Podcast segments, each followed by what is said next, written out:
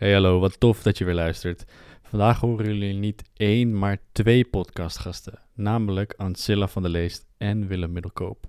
Twee gasten die weinig introductie behoeven en je vooral prikkelende perspectieven bieden als het aankomt op politiek, hoe je naar de situatie in Israël kan kijken, wat Bitcoin ook voor jou kan betekenen en wat zijn de noodplannen van Ancilla en Willem. Je hoort dit en meer in deze podcast opgenomen op de Bitcoin Conference. Vergeet niet om op het belletje te drukken op Spotify of YouTube, want dat helpt me simpelweg direct om meer podcastgasten uit te nodigen. Heel erg bedankt en geniet van de aflevering.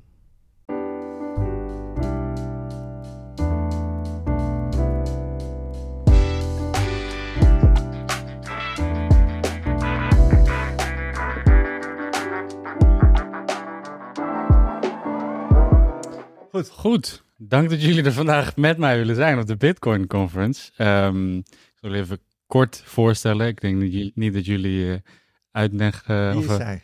ja, Marcilla, wie ben je eigenlijk? Oh jeetje. Ik heb eh, in een korte tijd even opgezocht, want ja, je bent natuurlijk gewoon een goede vriendin van mij. Dus ik dacht, ja, hoe ga ik mijn goede vriendin voorstellen voor de camera? Voormalig lijsttrekker van de Piratenpartij. Eh een van de eerste influencers van Nederland, als ik het eh, mij goed herinner. Mijn eer. Ja? Nou, ik zeg dit ook hardop op podia, omdat ik dus oprecht benieuwd ben van, was er nog iemand Ja, voor toch? mij? Ja. Ik denk het dus niet. Ik denk dat je hem gewoon moet claimen. Als je de eerste bent, dan... Ik eh, claim het. Toch? Mocht er een challenger zijn, hoor ik het Altijd. graag. Juist, ik heb nog niemand Ah. eh, op horen staan in ieder geval. Eh, presentatrice van Blackbox en naar mijn weten een van de eerste ehm, die naar buiten treden met de informatie over infosecurity en eh, digitale privacy. Ja, is dat... eh, Dat eh, klinkt wel correct. Ja, toch? Ja. Willem Middelkoop, journalist geweest, fotograaf geweest. Ehm, toen bij RTL Z als eh, Beurscommentator? beurscommentator eh, en daar, daar uiteindelijk gestopt. Ondernemer geworden. En eh, toen- Eigenlijk altijd ondernemer geweest, gek genoeg. Ja, dat... eh, Want dat ik ben nog nooit in mijn leven in loondienst geweest. Ja, technisch ben ik nu in loondienst van mijn eigen onderneming. ja, ja. ja. Ik ben eigenlijk altijd ondernemer geweest. Ja, precies. Eh, gestudeerd Amsterdam en ik heb in 19, 1 januari 1984 bij de Kamer van Koophandel gemeld. En een eenmaans, eenmanszaken begonnen. En eh, sindsdien ben ik zelfstandig, ben ik nog steeds eigenlijk. Amsterdam Gold. En Dat is pas later gekomen ja. in 2008. en nu Commodity Grondstof. Discovery Fund, juist. ook sinds 2008. In En deze... grondstoffonds wat ik, waar ik fulltime mee bezig ben. Juist. Nou ja, en in, in deze industrie hebben jullie volgens mij beide geen eh, introductie nodig. Maar wat ik vooral... Maar wat misschien wel grappig is, wij kennen elkaar ook al heel lang. Ja, En ik durf te zeggen dat wij ook vrienden zijn. Ehm, en we hebben elkaar ooit ontmoet bij Amsterdam Gold, volgens mij. Of ik weet het niet meer. Ja, jij ging toen wel het land rond af en toe met speeches en zo. Ik was toen net in de rabbit hole van de economie gevallen. Ja. Ik denk na, na Lehman. Na Lehman, was dat? Dat was net iets daarna. Ja, na ik, eh, Lehman. toen, ja. ik probeerde me wel daarin te verdiepen en het te begrijpen. Ja. Maar ik kon nog niet helemaal mijn vinger op leggen wat dat nou precies, wat daar nou precies gebeurd was. Ehm, en toen in 2012, toen dacht ik, nou, ik ga echt beleggen. ja. En, eh, En ehm, ik snapte het maar niet. En ik snapte het maar niet. En, toen, ging ik vragen stellen en nog meer vragen stellen. Ik snapte het nog steeds niet. Ging ik nog meer vragen stellen. Ja. En toen ging ik op een gegeven moment de basisvragen stellen. Van wat is nou eigenlijk geld? Waar komt het vandaan? En, eh, ja, en en zo toen- kwam je in een van die zaaltjes terecht waar ik normaal alleen maar mannen van eh, 60, eh, grijze, grijze mannen van 60 plus aantrof. Opeens zat Anchilla, dus toen ging je even uitchecken. Wat doet hij hier? Wat is dat voor type?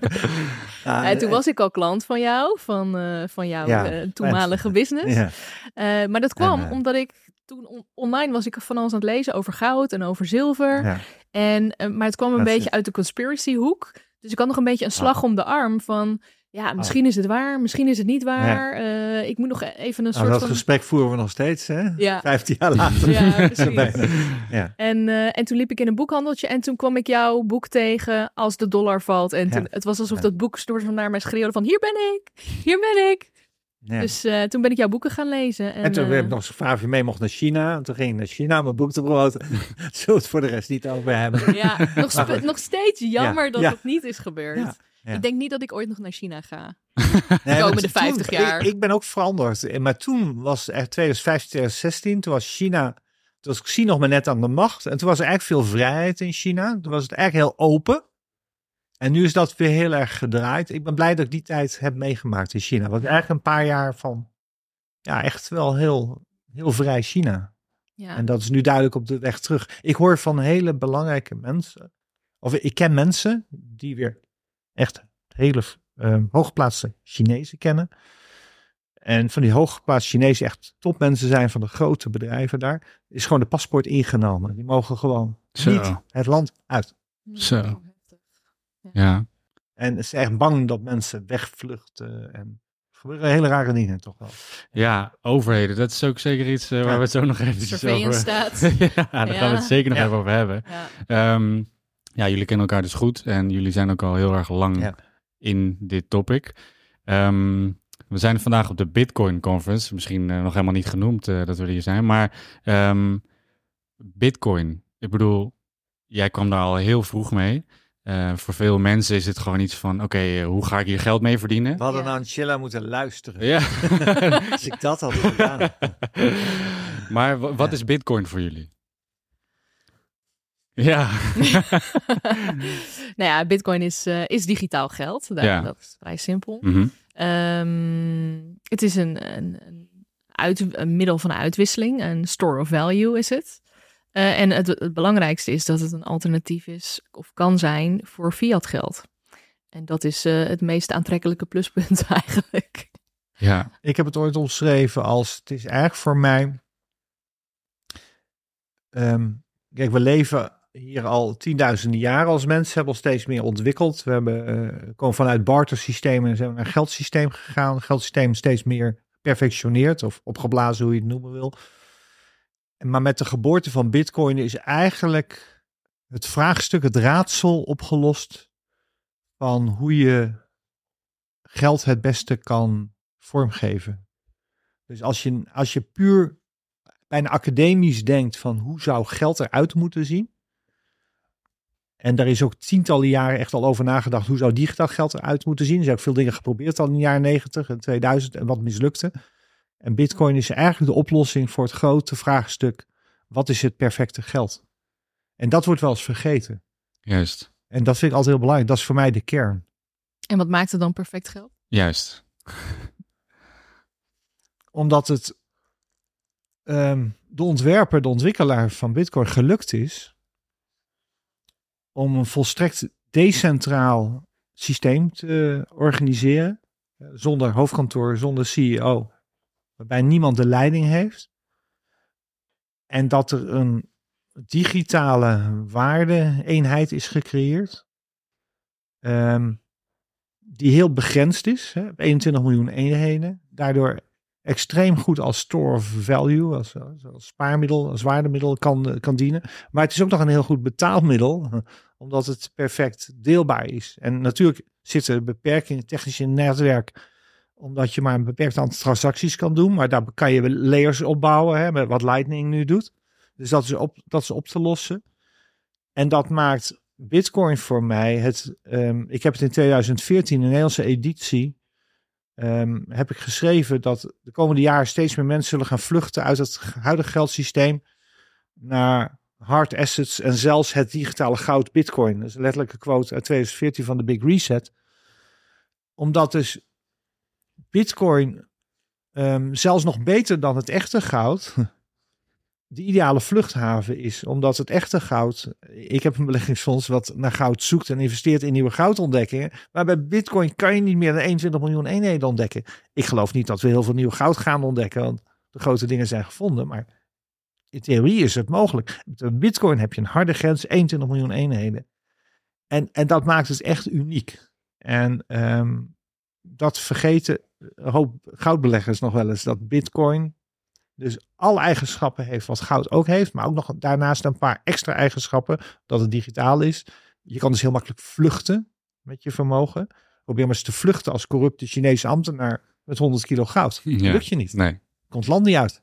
Bitcoin kan het wel. Ja. Dus je kan, Bitcoin stelt je in staat, en dat is ook voor het eerst in de mensheid, dat je je vermogen locatie onafhankelijk op kan slaan. En dat is, dat is in deze tijden van vrijheden die meer en meer verdwijnen, is natuurlijk een unieke en bijna essentiële eis die je aan een deel van je vermogen wil. ja, precies. Ja. Ja, en ik vind het ook, want je noemt het dan inderdaad het perfecte geld. Ik bedoel, we kunnen natuurlijk vandaag op een heleboel manieren inzoomen op Bitcoin. Ik vind het vooral interessant hoe we dat beetje politiek verhouden tot bitcoin. Daar Ja, weet je jongens, dus- we zitten hier in een koffieshop, dus Ja. eh, dat hoor je. Ja, dat filteren we er allemaal netjes uit. Dat komt helemaal goed.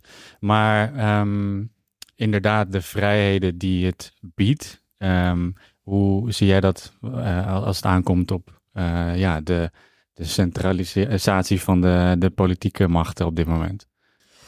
Nou, ik, ik denk dat het helder is dat een heleboel eh, staten, eh, landen zijn bezig met hun, hun burgers steeds meer te surveilleren. Steeds meer. ehm, ja, het is, ik zie het als een soort net wat zich aan het sluiten is. Wat er een beetje uit gaat zien als China.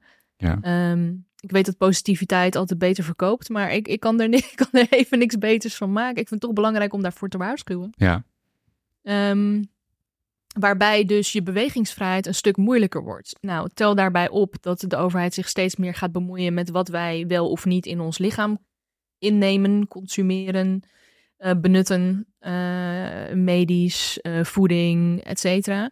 Wax. Hm? Ja, ik probeer het niet te noemen. laten we het beestje bij de naam noemen. We gaan het... Ik heb, er straks nog, Vaccinatie! ik heb er straks nog een heel mooi voorbeeld over trouwens. Maar dat- Ik kom niet meer door het algoritme nu, bedankjewel. ja, ja, I told you.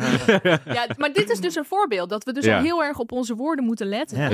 Van. Oh, Je let er echt Ehm, op? Omdat nee, je nee, dan nee, bij nee. YouTube Nee, nee, anders nee, nee. wordt... ge- ja, ik dus wel. Ja, maar het, het, is wel, kijk, ik let er niet op, maar ik ben me er wel van bewust. Het is Nou, wel, Ik ben gecanceld RTL hè, een paar maanden geleden. Nou, dat bedoel ik. Een uitlating op social media eh, te gevaarlijk zijn. Nou, dan denk ik van welke uitlatingen dan? Ik bedoel, precies. eh. Zijn Maar ze daar nou specifiek in rare- geweest? Wat ze dan, wat nee, ze dan nee, zo, nee, nee, dat willen ze dan niet.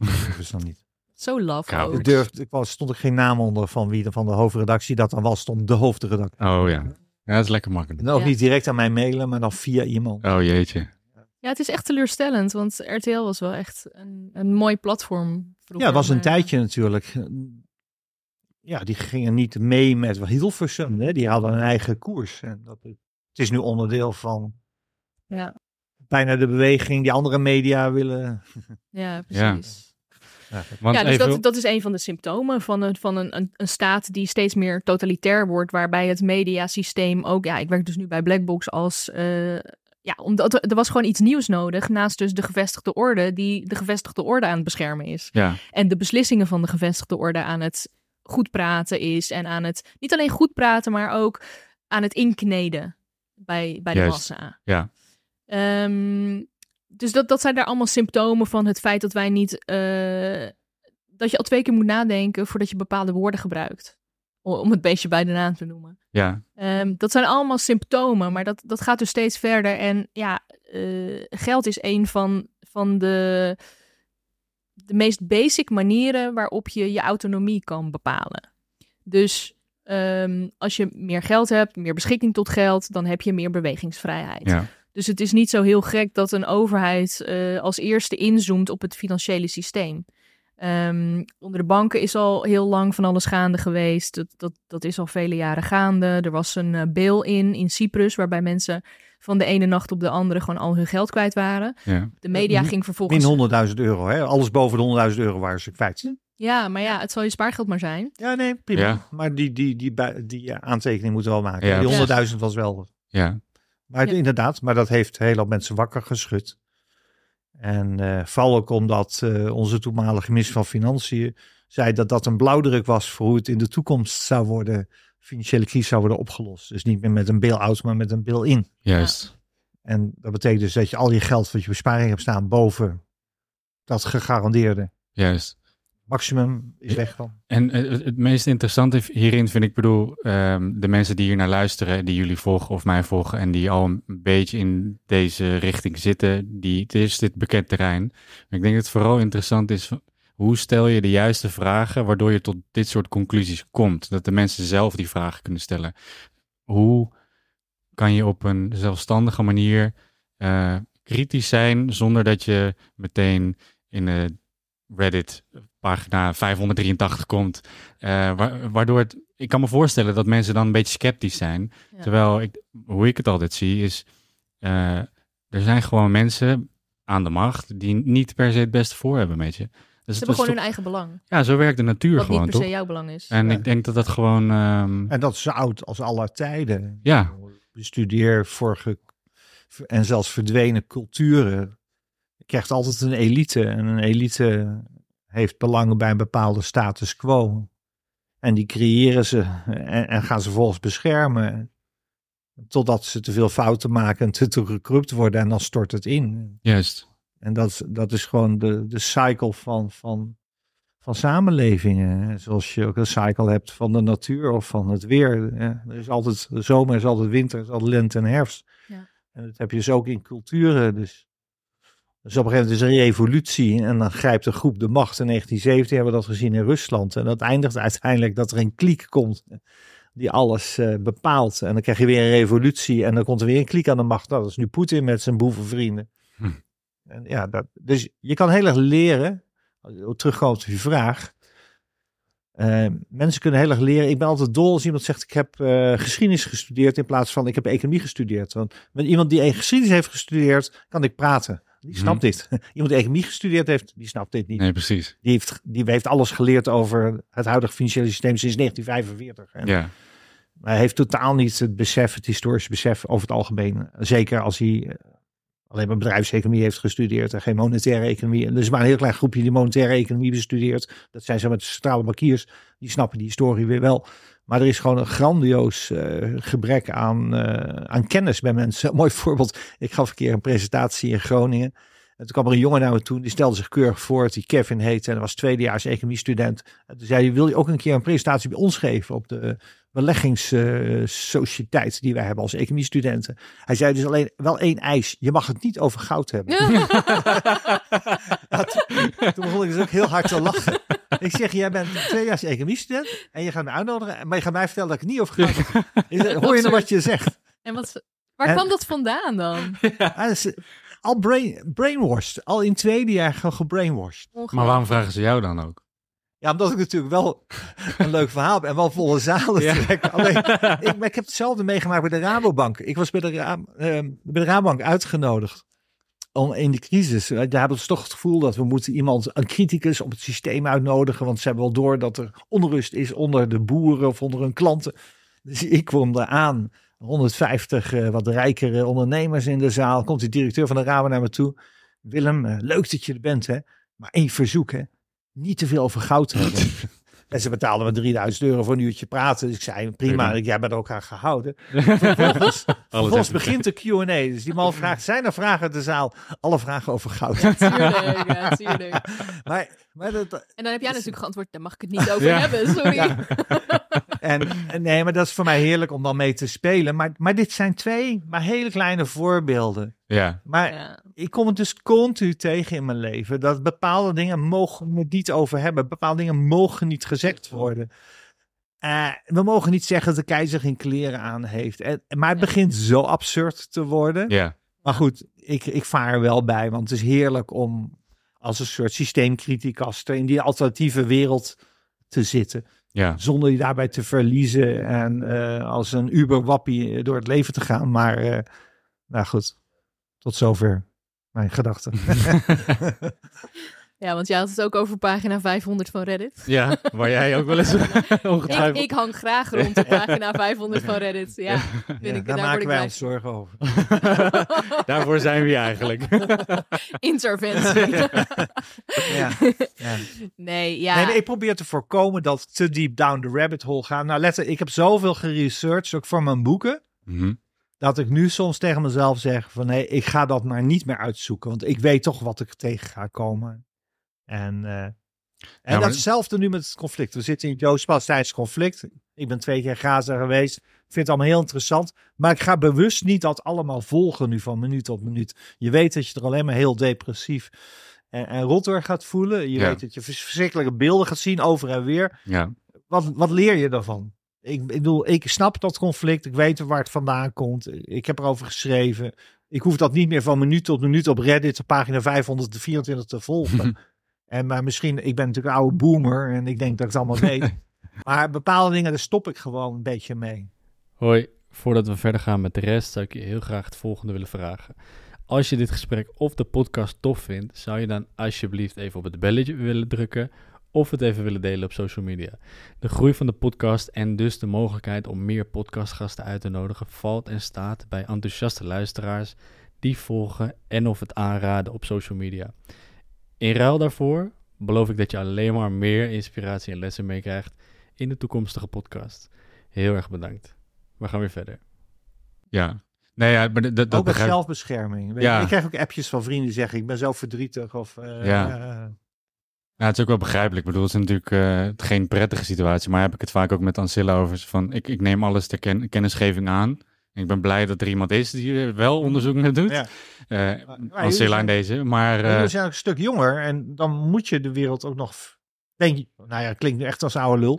maar dan ben je nog veel meer bezig om die wereld te begrijpen. En je wil de wereld ook begrijpen. En ehm, ik vind het heel prettig aan ouder worden.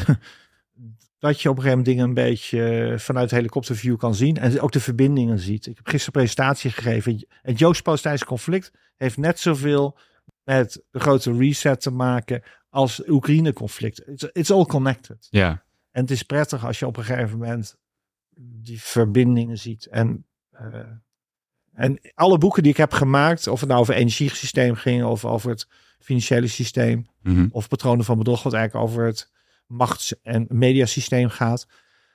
Dat heb ik gedaan omdat ik zelf eigenlijk wilde weten, hoe- hoe lopen de hazen, hoe lopen die verbindingen. En dat heeft mij heel erg geholpen. En ja, dat geeft nu een soort rust eigenlijk ook. Terwijl ik merk dat alle andere mensen vol onrust zitten. Omdat ze niet weten hoe ze tegen al die veranderingen aan moeten kijken. En niet dat ik nou de, grote goeroe ben die het allemaal begrijpt. Maar het heeft mij heel erg geholpen om, om ja, die zelfstudie te doen heel lang. Juist. Nou ja, ik sta er ook redelijk praktisch in. In, die zin, ik, ik- ik neem ter kennisgeving aan dat er een hoop niet klopt. En eh, ja, dat je gewoon je eigen plan moet trekken.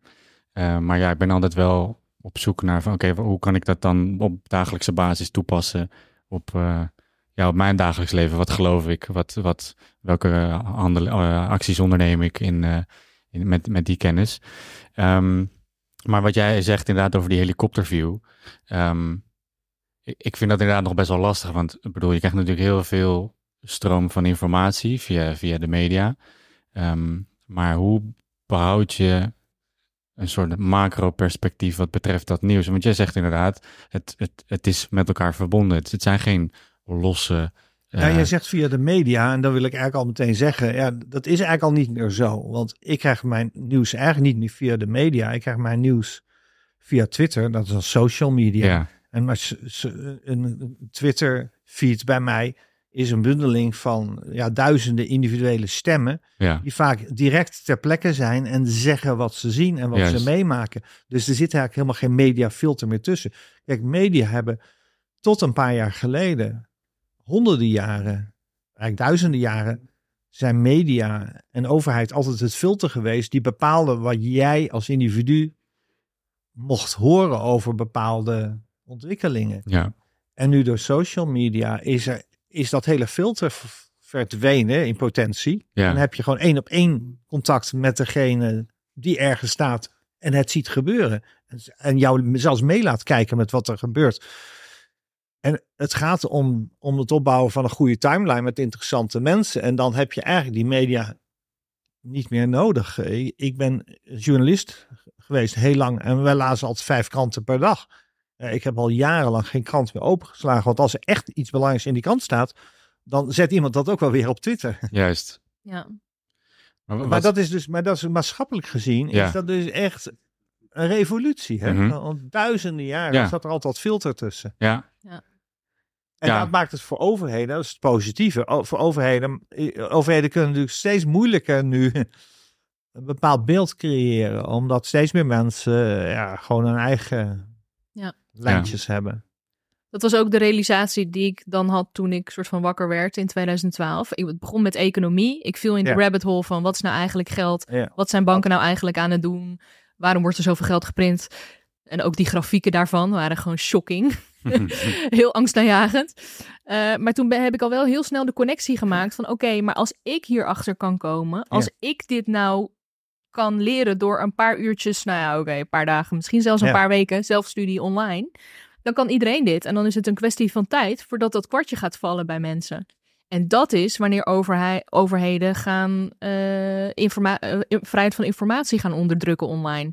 En dat nou, is dat hoe zie ik je dan. nu gebeuren. Dat, zie je nu gebeuren. Hè? Ja, en dat is dan hoe ik in de digitale rechtenwereld ben gekomen. Ja. Me met privacy bezig Ja. ben gaan houden. Want in die tijd was het makkelijker om het over privacy te hebben dan om het over. Wat, toen ik erover begon was voor Snowden, voor de Snowden Revelations. Ja. Dan was het makkelijker om het over privacy te hebben dan om het over staatssurveillance te hebben. Want dat was zo ver gezocht voor mensen. Ja, ja. Dat was toen dus pagina 500 van Reddit. Terwijl zes maanden later kwam Snowden naar buiten en toen was het de voorpagina van het NRC. Snap je? Dus zo kan het heel snel gaan. Ehm, dus voor mij is pagina 500 van Reddit, wat daarop staat, is niet zo heel raar. Ik bedoel, ik neem het niet eh, voor waarheid aan, Mhm. Maar ik neem het wel ter kennisgeving dat daarover gesproken wordt. Juist. En eh, inmiddels is mijn ervaring dat heel vaak het dan voorkomt dat een, een paar maanden of een paar jaar later, dat het dan gewoon voorpagina nieuws is. Juist. Net zoals, ja, net zoals met Bitcoin. het, maar met het risico dat je op pagina 535 ook weer iets kan lezen waarvan je denkt, dat zal dan ook wel zo zijn. En dat is weer ja, maar de dat doe ik grootste... dus nooit. Nee, dat doe ik. Oh, ja. Ik, lees dus nooit iets waarvan ik denk, oh, de, oh, Dat dat, is is, zo. Omdat iemand dat zegt. Nee of nee. Ja. Je hebt toch ook zo'n regel op social media van als ik het zoveel keer heb gehoord, dan ga ik het onderzoeken? Eh, nou, als, als mensen mij vijf keer iets sturen, dan repost ik het. Ja, ja, precies. Ja. Ja. Nou ja, dat vind ik ook wel, wel valid. Ik bedoel, Ja. als, als mensen er meerdere Ja, maar keer... dan nog zou Nee, dan niet nog te- leer ik, heb ik geleerd dat het toch gevaarlijk is als je niet zelf naar de bron hebt gekeken. Want hè, we hebben nu weer dat verhaal van de baby's die onthoofd zijn door Hamas. Ja, Maar ik, dacht- ik ben meteen gaan uitzoeken of ik dat ergens kon Ja, vinden. maar er blijkt geen goede source voor te ik zijn. heb nergens dat kunnen vinden. Maar Biden heeft het gisteren verteld ja, in een speech. Ja. En dan zou je kunnen zeggen, nou zie het is waar, want Biden zegt het. Nee. Ja. Maar je moet dus aan alles twijfelen. ja. Ehm, ja. Maar ik ben er dus meteen ingedoken. Ik ben het meteen gaan researchen. Ik ben meteen gaan zoeken of ik, ja, zo, sorry, maar zo ben ik dan ook. Dat ik denk, ik ga kijken of ik dat filmpje ergens kan vinden. Ja. Ik hoef het niet helemaal te zien, Nee. maar ik wil weten dat het er is. Ik heb het niet kunnen vinden. Nee. Dus ik heb, Nee. ben zelf tot de conclusie gekomen Nee. van, ik En, denk eh, dat dit dikke bullshit is. Ja. want-. Ook de persoon wat dan de bron was, die ook die refereerde naar iemand waar ze het van had gehoord. ja, ja, het is allemaal hearsay. ja. Maar, maar dat is een beetje het ding. Om nog want- maar, wacht, daar wil ik nog Ja? iets aan toevoegen. Denk ook even logisch na. Gewoon een paar basis, want je had het net over welke vragen kan je stellen. ja. Oké, waar zijn er 40 baby's bij elkaar? Eh, De ouders zouden erbij zijn. Wat, do- Ja. wat, doet, wat doen 40 baby's op één plek met de ouders erbij? Eh, Wat voor plek is dat? Ja. Is dat een ziekenhuis? Is dat een kinderopvang? Maar dan zijn de ouders. Huh? In de Irak-oorlog in Kuwait in 91 hebben ze ditzelfde verhaal gepland. Ja. Maar toen waren het baby's die uit de couveuses waren gehaald. Oké. Dan kan je je voorstellen, een couveuse af, een, hè, een prenatale, Ja. Of hoe heet zo'n eh, afdeling, waar Ja. kinderen allemaal in couveuse liggen. Maar ook dat verhaal bleek gepland te zijn. Ja. Dus ja, dat gebeurt in oorlog. Hè. Waarheid is het eerste slachtoffer. Maar het is dus wel doordat je dit soort dingen, die casus ken ik ook. Dus Ja. doordat je het al eens een keer voorbij ja, hebt zien denk je komen. van, oh wauw. Dat je volgende keer denkt van, Oh, weer baby's? Oh, weer baby's, ja. Ja. Ja. Of- Of weer een meisje met, eh, met braids, weet je wel? Ja. Want dat was natuurlijk ook met, eh, met Greta Thunberg. Dat er zo'n meisje naar voren wordt geschoven wat iets schattigs heeft. Wat net, net een beetje jong is, weet je wel. Eh, met, een, met een mooi verhaal eromheen. Dat je ook denkt van, hm, dit komt me iets te bekend voor. Dit is een beetje gek hoe dit gaat, Ja. weet je wel? Ja. Want de gemiddelde 16-jarige wordt niet door alle media naar voren geschoven als een soort spokesperson. Nee. Nou ja, dat zijn allemaal basisvragen die je kan stellen van waarom deze persoon? Wat zegt hij? Wat zegt hij niet? Ehm, waar heeft hij de informatie vandaan? Wat is de originele bron? Ja. Ehm, het zijn altijd die basisvragen waarvan heel veel mensen zijn bang om domme vragen te stellen. Ja. Als ik ooit bang was geweest om de domme vraag te stellen: wat is geld? Mhm. Was ik, sliep ik nog steeds. Ja. Weet je? Ja, ja, ja, precies. Ja. ja, maar het vraagt inderdaad wel een soort paradigm shift. Dat is best wel lastig als je je hele leven inderdaad gevoed bent door de media. En, en, en dan moet je wel beginnen met er, ergens, denk ik misschien op microniveau, een soort van patroontje te leren kennen. Voordat je hem op de kleine centimeter ziet. En dan uiteindelijk Ja. gewoon op Maar hele grote schaal. Waar je, ook voor moet waarschuwen, is dat je doordat zoveel zaken anders liggen dan ze worden gepresenteerd, dat je gaat denken dat alles anders is dan. Ja, dat is ook lastig. Want Ja. ik zie ook mensen dus verdrinken in de rabbit hole. Ja, ja, ja, precies. Nou ja, ik heb En- bijvoorbeeld, je noemt net die baby's. Ik had bijvoorbeeld, ik, ik hoorde dat. En het eerste wat in me opkwam was, dacht, dacht ik van, is dat waar? Ik heb het niet opgezocht, maar doordat ik zoveel vraagtekens had bij zoveel verschillende nieuwsberichten, dacht ik, dit is, niet, dit is gewoon niet voor mij, dit, dit nieuws. Nee, en ik kan hier niks mee. Chemtrails is een heel mooi voorbeeld. Ja. Daar krijg ik al heel lang eh, eh, vragen over. En Ja. Heel lang word ik gewoon even gebombardeerd. Ja, Ja, er zijn ooit experimenten gedaan waarbij we chemische stof in de lucht hebben gebracht om verschillende doelen te bereiken. Of het nou Ja. het leren van neerslag is ja, of iets anders. En ja, er zijn foto's van vliegtuigen die op die manier omgebouwd zijn. Maar dat betekent niet dat elk spoor wat je in de lucht ziet een chemtrail is. Mhm. Want 99,9% van wat je in de lucht ziet is gewoon eh, het wa- het water, de waterdamp wat uit een jet engine komt, wat ja. eh, condenseert. Nou, ik weet dat er, En- voordat we hier verder in duiken, Ja. ik weet dat er een dame tegenover je zit Ja. die daar iets anders over denkt. Ja, maar daar vind, ja, maar goed, daar scheiden dan echt onze wegen. Ja, ja, ja. ja Want ik heb hier echt al heel lang in verdiept. Ja, En ja, water, waterdamp, jongens, condenseert gewoon. En maar niet op elke dag. Dat heeft te maken met de luchtvochtigheid. Ja, nee, maar zo kunnen we inderdaad in een heleboel Nou, ik wil er nog wel iets Ja. over zeggen. Ja. Dat, ik, dat ik dus nu al zie dat de media erover begint te schrijven. Gewoon mainstream Ja. media begint Ja. te schrijven van we moeten iets doen tegen... Nou ja, vroeger heet het global warming en nu heeft het inmiddels alweer een andere naam. Climate crisis of zo. Eh, in ieder dat is geval... een onderwerp, hè? Nee, Je ja, nee kan, eh, maar de media heeft er hè? al over gehad. Dat het belangrijk is dat wij misschien toch gaan kijken naar oplossingen in de vorm van eh, particles in de lucht Nee, spuiten. tuurlijk. Je kan. om het zonlicht Ja. tegen te houden. Oh, ja. Dus op het moment dat dan zie je al zo van oké, dan denk ik dus van volgens mij worden we nu die richting opgemasseerd van hé, dit is eigenlijk wel een Ja, goed maar- idee. Maar, maar goed, bet- dat betekent niet dat alle strepen die in de lucht zien. Ik zie mensen dus foto's posten op Twitter. Ja, Op een dag dat de omstandigheden zo zijn dat Mhm. veel van die strepen ontstaan. ja. Van kijk, eh, ze zijn weer aan het spuiten. Ja, nee, maar dat is echt. Daar wil ik me echt ver, ver van. Niet alleen ver van houden, maar daar wil ik echt ver tegen ageren. Want Ja. dat is gewoon echt gevaarlijk. Nee, maar dat vind ik echt gevaarlijk. Oké. Oké, nou ja, misschien moeten we het meer over bitcoin hebben. Ja, daar, daar, dat is uiteraard Ja. ook waar we voor zijn. Ik denk dat het gewoon... eh, het plaatje wat ik een beetje wilde schetsen vandaag is eh, niet per se als het aankomt op chemtrails, Maar maar dit is dus wel mooi, want hij heeft zijn eigen research gedaan. Ik heb mijn Ja. eigen research gedaan. We komen tot verschillende conclusies, Ja. which is fine. ja, precies. Ja, we hoeven elkaar niet Dat dood te goede maken. vriendschappen moet dit. Dat bezien we hier moet, nou. het, eh, moet het kunnen, hè? We agree to get disagree. Ja. Ja. Maar Ik hoef ook niet nu. Kijk, ik denk als je net soort van wakker wordt of je komt net achter dingen die je eerder niet wist. ja, Vaak zijn mensen zo gechoqueerd en daarin ook heel emotioneel. En de eerste reactie is dan ook iedereen proberen te overtuigen. Van, ja, Wat ik nou Ja, heb ontdekt, ja, weet je wel. ja. En, dan, en dan weet je, vaak in de beginfase weet je ook nog niet wat is waar, wat is niet waar, wat zijn geruchten, wat niet. Want dat, dat heeft echt tijd nodig. Ja. heeft soms wel dit- jaren maar- nodig. Maar dit, zoiets als chemtrails, vind ik altijd wel heel heftig. Omdat dat mensen echt, maakt mensen echt bang. Ja. Omdat mensen echt denken dat wat ze inademen. Mhm. Nou, ik woon onder de rook van Tata al twintig jaar. Ik maak me zorgen over wat ik inadem door Tata. Niet, Ja, niet door de, Dat is terecht, denk ik. niet ja. door de strepen in de lucht. Ik maak me zorgen om het fijnstof wat die motoren uitstoten. Ja, nou, daar maak ik, daar- daar- Ja. daar- maar het is zo makkelijk om mensen bang te maken. En er zijn echt mensen die gewoon niet meer slapen door dit soort angsten. En die, ja. ja, die voor mij dan to- toch irrationeel beginnen te worden. Ik En ik heb het- nog een voorbeeld ervan. Sorry, Nee, ik onderbreek. Maar ik heb heel veel mensen altijd die bij me komen die bang zijn voor van alles. Over financiële systemen, bang, bang, bang. En dan vraag ik van, ja, wat ze doen in vrije tijd. Zeggen ze, ja, rij motor. Ja, jongen, als je bang bent, als je, ophouden met. Ik heb echt mensen gehad, we hebben investeerders gehad, die gewoon overleden zijn door een motorongeluk. Of vallen van een trapje in de kelder. Maar dan een heel leven bang waren voor hun geld, over hun geld en over... Die, wees bang voor de gezonde dingen. En houden we dingen wel in, in pro- proportie. Ja. hè? ja, maar ik denk ook dat het wel parallel aan elkaar kan bestaan. Ik denk dat je inderdaad wel gewoon kritisch onderzoek kan doen naar alle gevaren out there. Maar dat je ja, nog steeds een beetje stoïcijns kan kijken van wat heb ik in de hand.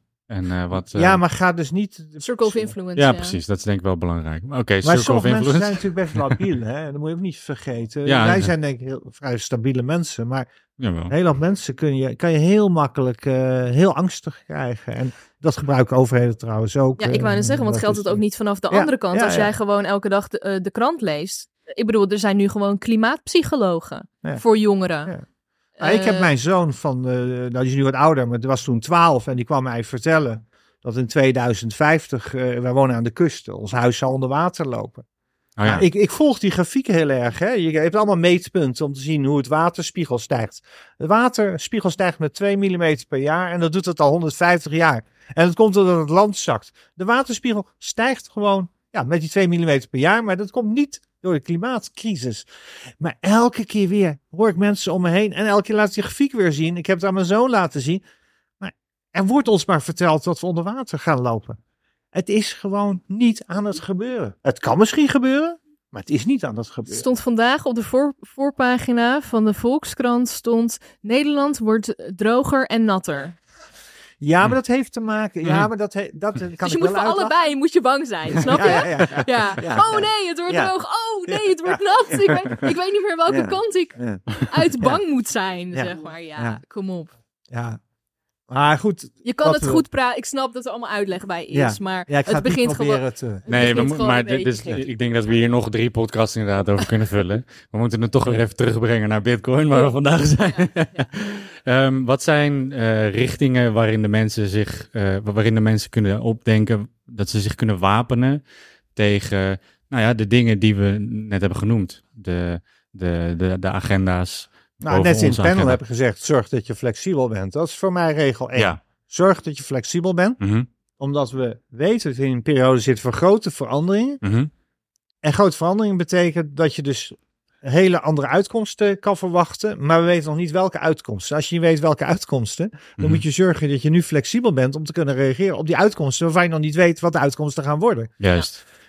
En dat betekent voor mij is het belangrijkste zorgen dat je natuurlijk gez- gezond blijft. Dus eh, hou in de gaten wat je allemaal met je lijf doet. Daar wil ik straks trouwens nog één dingetje over vertellen. Ehm, maar zorg ook dat je financieel flexibel bent. En daar hebben we ook wel veel over gehad. Zorg dat je niet al je geld opmaakt, maar dat je dus wat geld over hebt. En dat je dat geld op zo'n manier bewaart dat het niet altijd kan verdwijnen. Of niet allemaal kan verdwijnen. En Mhm. dat je daarmee een vluchtpotje hebt. Dat je Mhm. daarmee weg kan als het moet. Juist. En we weten nu nog niet waar naartoe. Maar soms moet je, je leert de geschiedenis ook, hè? Joden in de jaren 30 in Duitsland of in Nederland. Sommigen maakten de goede keuze, sommigen maakten de verkeerde keuze. Waar ze naartoe vluchten. Een Duitse Jood die naar Nederland vluchtte, maakt de verkeerde keuze. Een Duitse Jood die naar Canada vluchtte, maakt de goede keuze.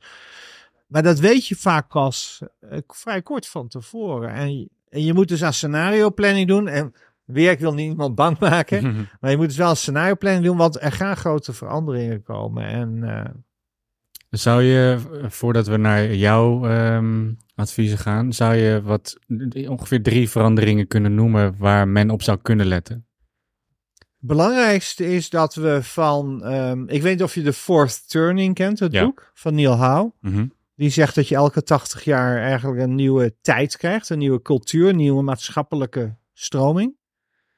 Ehm, ik, denk dat dat heel erg waar is. Ehm wij zijn in het dollarsysteem terechtgekomen aan het einde van de Tweede Wereldoorlog. Dat is 1944, tel er 80 jaar bij op, dan zit je 2024.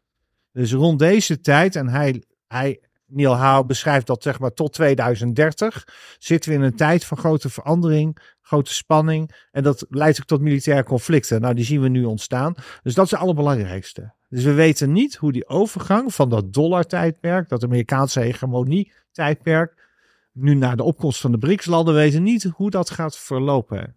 En we weten wel dat er waarschijnlijk een hele hoop onrust gaat ontstaan. Daar zitten we nu echt in, middenin. Dat vind ik een hele belangrijke. En ik ben nu bijvoorbeeld, eh, ik heb wat geld te investeren. Ik koop nu een Dubai appartement. En Dubai ligt precies tussen eh, dat oosten en westen in.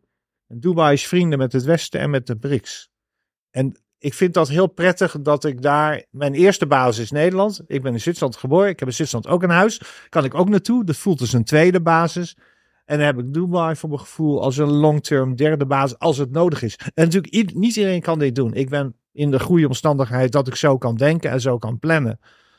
Maar dat is voor mij dus de belangrijkste. En dat heeft dus te maken met waar voel je veilig, waar voel je gelukkig en waar voel je financieel ehm, ook echt veilig en comfortabel. Waar weet je dat je geld het minste kans heeft om ja, op een of andere manier van je afgenomen te worden of zo. Maar goed, ik, ik praat nu als een rijke boomer en eh, dat is makkelijk praten, toch? Nou, maar de Ik principes, zou het niet weten. maar de principes eh, denk ik wel heel heel interessant. is gewoon flexibel zijn. Ik denk dat het een beetje terugkomt op de natuur. En Ja. mooi samenkomt met de cycli die je eerder al benoemde.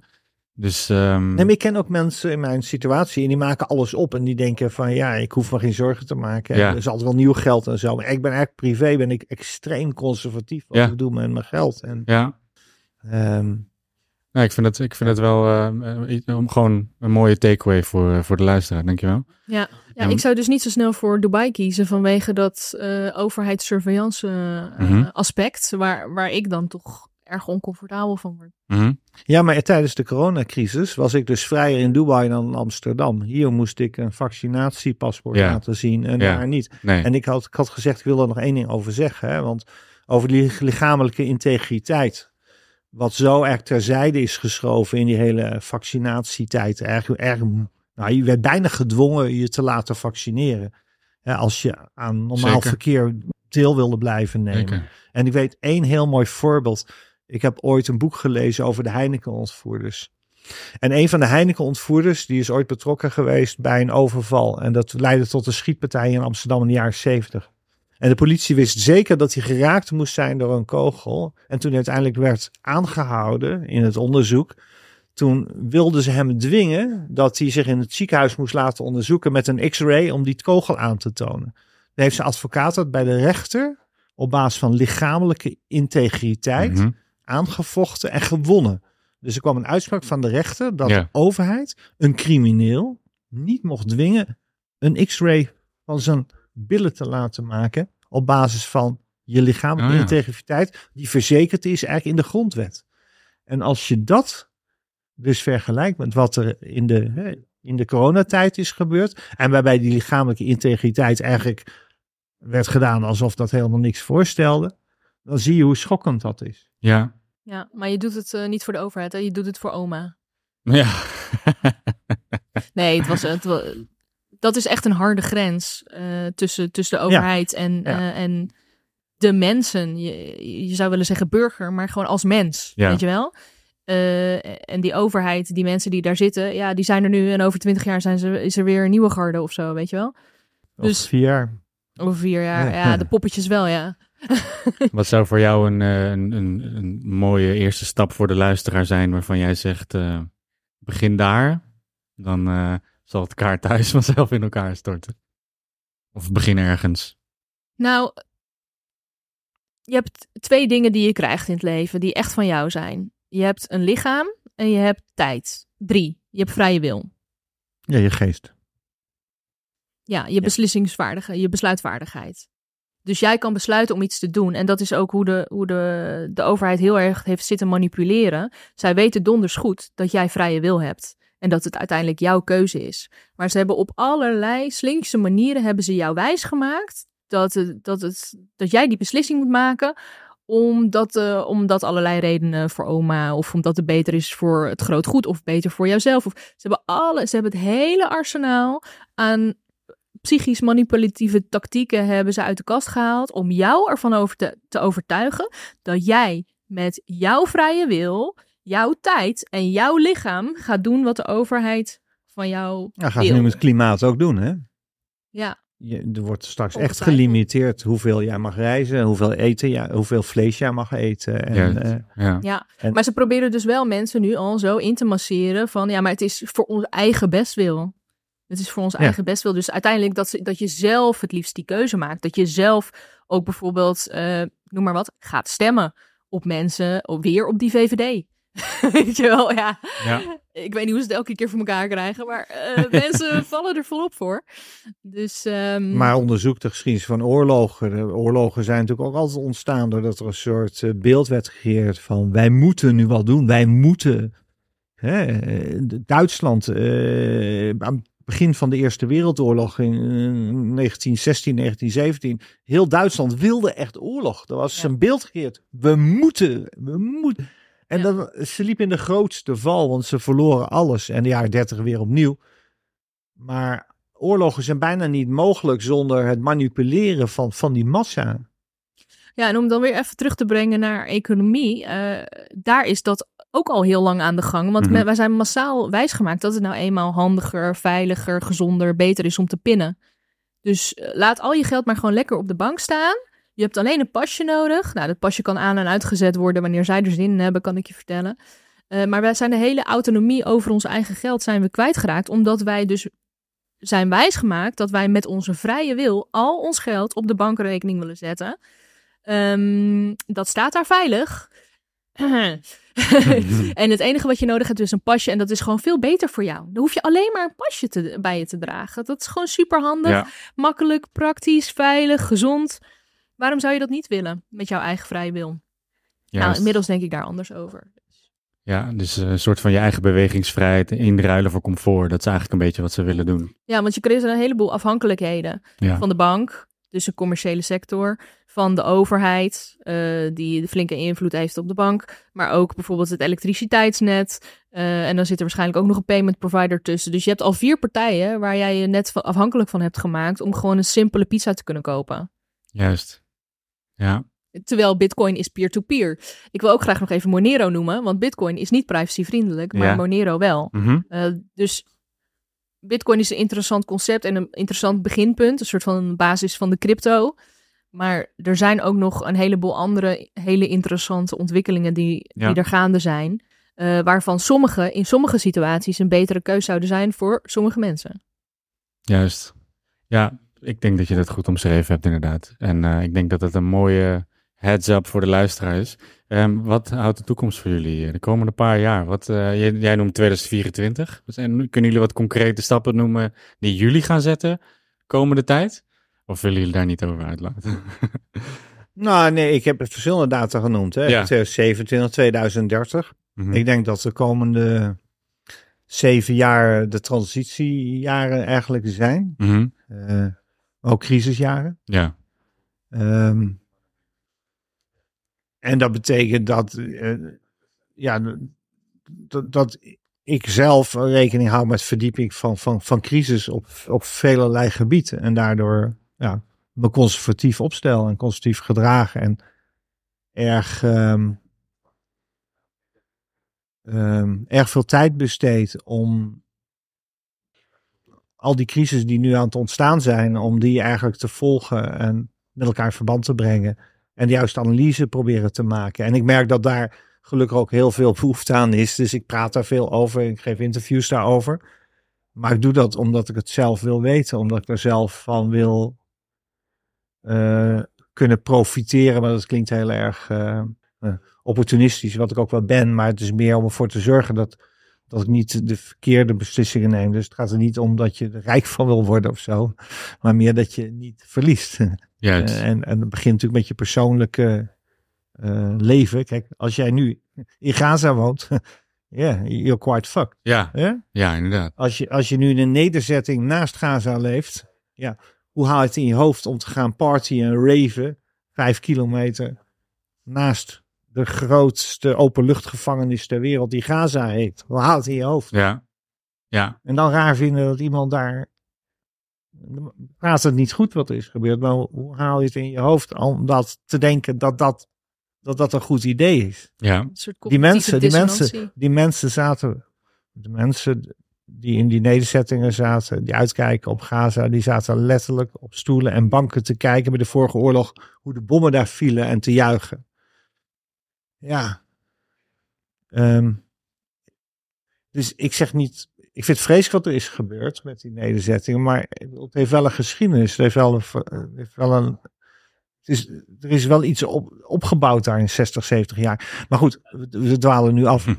Maar terug, naar terug naar je vraag. ehm, ehm, ik denk dat het tijd is om, eh, ja, om erg goed eh, je, omgeving dus in de gaten te houden. Erg goed na te denken wat er gebeurt. Erg goed te kunnen plaatsen, proberen te plaatsen wat er gebeurt.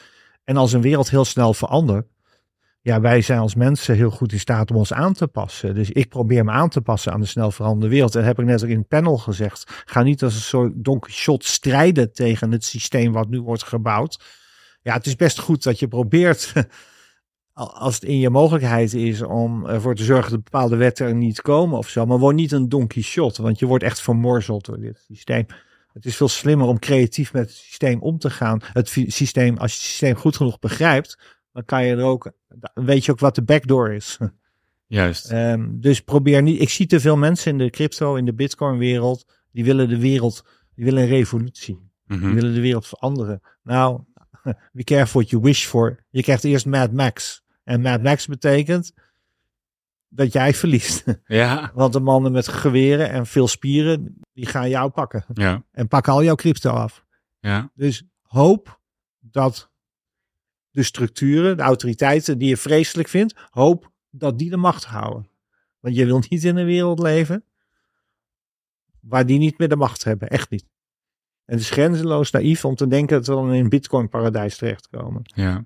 We gaat eerst, hebben eerst jaren van Mad Max. En, en, en ik vind dat er in de bitcoin wereld wat dat betreft volstrekt eh, vaak naïef wordt ja, Mhm. gedacht. Ja. Maar goed, Attila is het vast niet met me eens. ik, ik voel een kritische blik aan deze kant van de tafel. Heb je een, eh, een, een hoopvolle boodschap nog als, eh, ter afsluiting? Nou, er is een hoop wat je zelf kan doen. Eh, Ja. Met je eigen eh, tijd, je eigen lichaam en je eigen eh, besluitvaardigheid. Je eigen vrije wil. Juist. zijn er heel veel besluiten die je op dagelijkse basis wel of niet kan maken. Mhm. En dat is waar je kracht ligt. Juist. En zolang je een gezond lichaam hebt en dat gezond houdt, dan kom je al snel een heel eind. Ja. Dus, ehm, en je tijd goed benut. Weet je, ga niet zitten Netflixen. Ja, misschien wel af en toe ter ontspanning als je er heel veel uithaalt. Maar het is zo zonde in the grand scheme of things van alles wat er valt te leren, alles wat er valt. Alle vlakken waar je, waarop je jezelf kan ontwikkelen, zij het economie, zij het eh, digitale rechten of een andere passie, eh, eh, eh, biohacking. Weet je wel, er zijn zoveel vlakken waarop je jezelf kan ontwikkelen, waarbij je, waar je gewoon vreugde uithaalt en ook iets kan bijdragen aan de wereld. Dat is waar je kracht ligt. En de wereld gaat doen wat de wereld gaat doen. Ja. Ik denk inderdaad dat we gewoon. Wel positiviteit, toch? Wacht Ja, even. liever wel, ja. ja, ik denk dat we gewoon op een kantelpunt zitten dat een heleboel is gewoon out of our control. Ja. Ja? Ja. Dus, dus inderdaad, circle of influence. Ja, ja, precies. Hou, hou het klein, Ja. hou het blij. Nou, maar dat is, dat is een mooie boodschap, denk ik. Ik denk dat daar is deze podcast ook voor bedoeld. Eh, je noemde net biohacking, dat komt in deze podcast voor. Eh, gezondheid, creativiteit, financiën, relaties. Ik denk dat het gewoon belangrijk is en ik wilde, daarom heb ik jullie ook uitgenodigd. ehm, verschillende perspectieven aandragen, kritisch zijn en een stukje persoonlijk leiderschap nemen over je eigen lichaam, over je eigen lichaam maar ook je leven. En ehm, ik denk dat eh, ja, er vandaag weer een aantal tools zijn uit, aangereikt om, eh, om dat eh, te bewerkstelligen bij de luisteraar. Dus ik eh, wil Nou, eh, heb je niet voor niks gezeten. Nou, hè? mooi, hebben we goed deze gedaan. mentoren in het vak wil ik graag bedanken voor jullie tijd. Jawel. Marcella, het Ja. was leuk om jou als vriendin een keer in de podcast te hebben. Willem, het was leuk je om te ontmoeten. Ehm, waar kunnen de mensen jullie vinden? Dat is ook heel belangrijk. Bij mij op Twitter. Ehm, dat is de makkelijkste manier. En ik heb nu een Patreon-account. Oké. Ik was een beetje klaar mee om alles gratis weg te geven op Twitter. En vervolgens een hele hoop gezeik te krijgen. Ja. Dus ik hou de beste dingen nu voor de mensen die daar, eh, zoals iemand zei, de prijs van een goedkope lunch voor willen betalen elke maand. Nice. En ehm, ik ben een nieuw boek aan het schrijven. De Bricks Reset. Als opvolger van de Big Reset. Oh, nice. En dat deel ik daar ook die teksten. En eh, Voor wanneer staat... eh nou, da- daar neem ik uitgebreid de tijd voor. Want we zitten in die grote veranderingen. En Ja. Het gaat zo hard. Dus ik weet zeker als je een boek zou publiceren Q1 volgend jaar. Dat het volstrekt achterhaald is. ja. Drie kwartalen later. Dus het is echt work in progress. Mhm. Eh, alleen ik noem het nu de werktitel de BRICS Reset. Want de BRICS-revolutie is voor mij de grote beweging. En ik heb dat verhaal nu ook steeds meer rond, zeg maar. Dus ik kan er echt daar goede case rondom bouwen. Mhm. Wat ik vroeger heb gedaan met de Big Reset. Toen ik dacht van, ja, dat durf ik nu al de Ja. wereld in te sturen. Ja. Ehm, maar ik heb nog geen, eh, geen datum Oké, nou dan weet ik wanneer ik volgend jaar weer aan moet kloppen. Voor, eh, ik, wil ook, ik wil ook niet meer 16 uur per dag werken. Nee, ik dat, doe eh, het, ik doe ik. het een beetje Je hebt eh, op een relaxtere manier dan vroeger. Ja. Eh, ik zit op X, heet het tegenwoordig. Ja. Twitter. Ja, Ja. Eh, ik doe daar heel weinig mee. Eh, ik vind eh, Instagram op dit moment een stuk gezelliger. Eh, daar ben ik behoorlijk actief. Ehm, en eh, je kan me natuurlijk vinden ook op Blackbox, waar ik eh, Blackbox Today presenteer. Raad ik ook zeker aan. Goed, uh, ik wil iedereen danken voor het luisteren. Um, als je deze aflevering leuk vond, als je deze gasten leuk vond, volg ze vooral. En het helpt mij ontzettend als jullie even op de notificaties aanzetten drukken. Uh, het helpt mij gewoon om meer gasten uit te kunnen nodigen. Dankjewel voor het luisteren en graag tot de volgende week.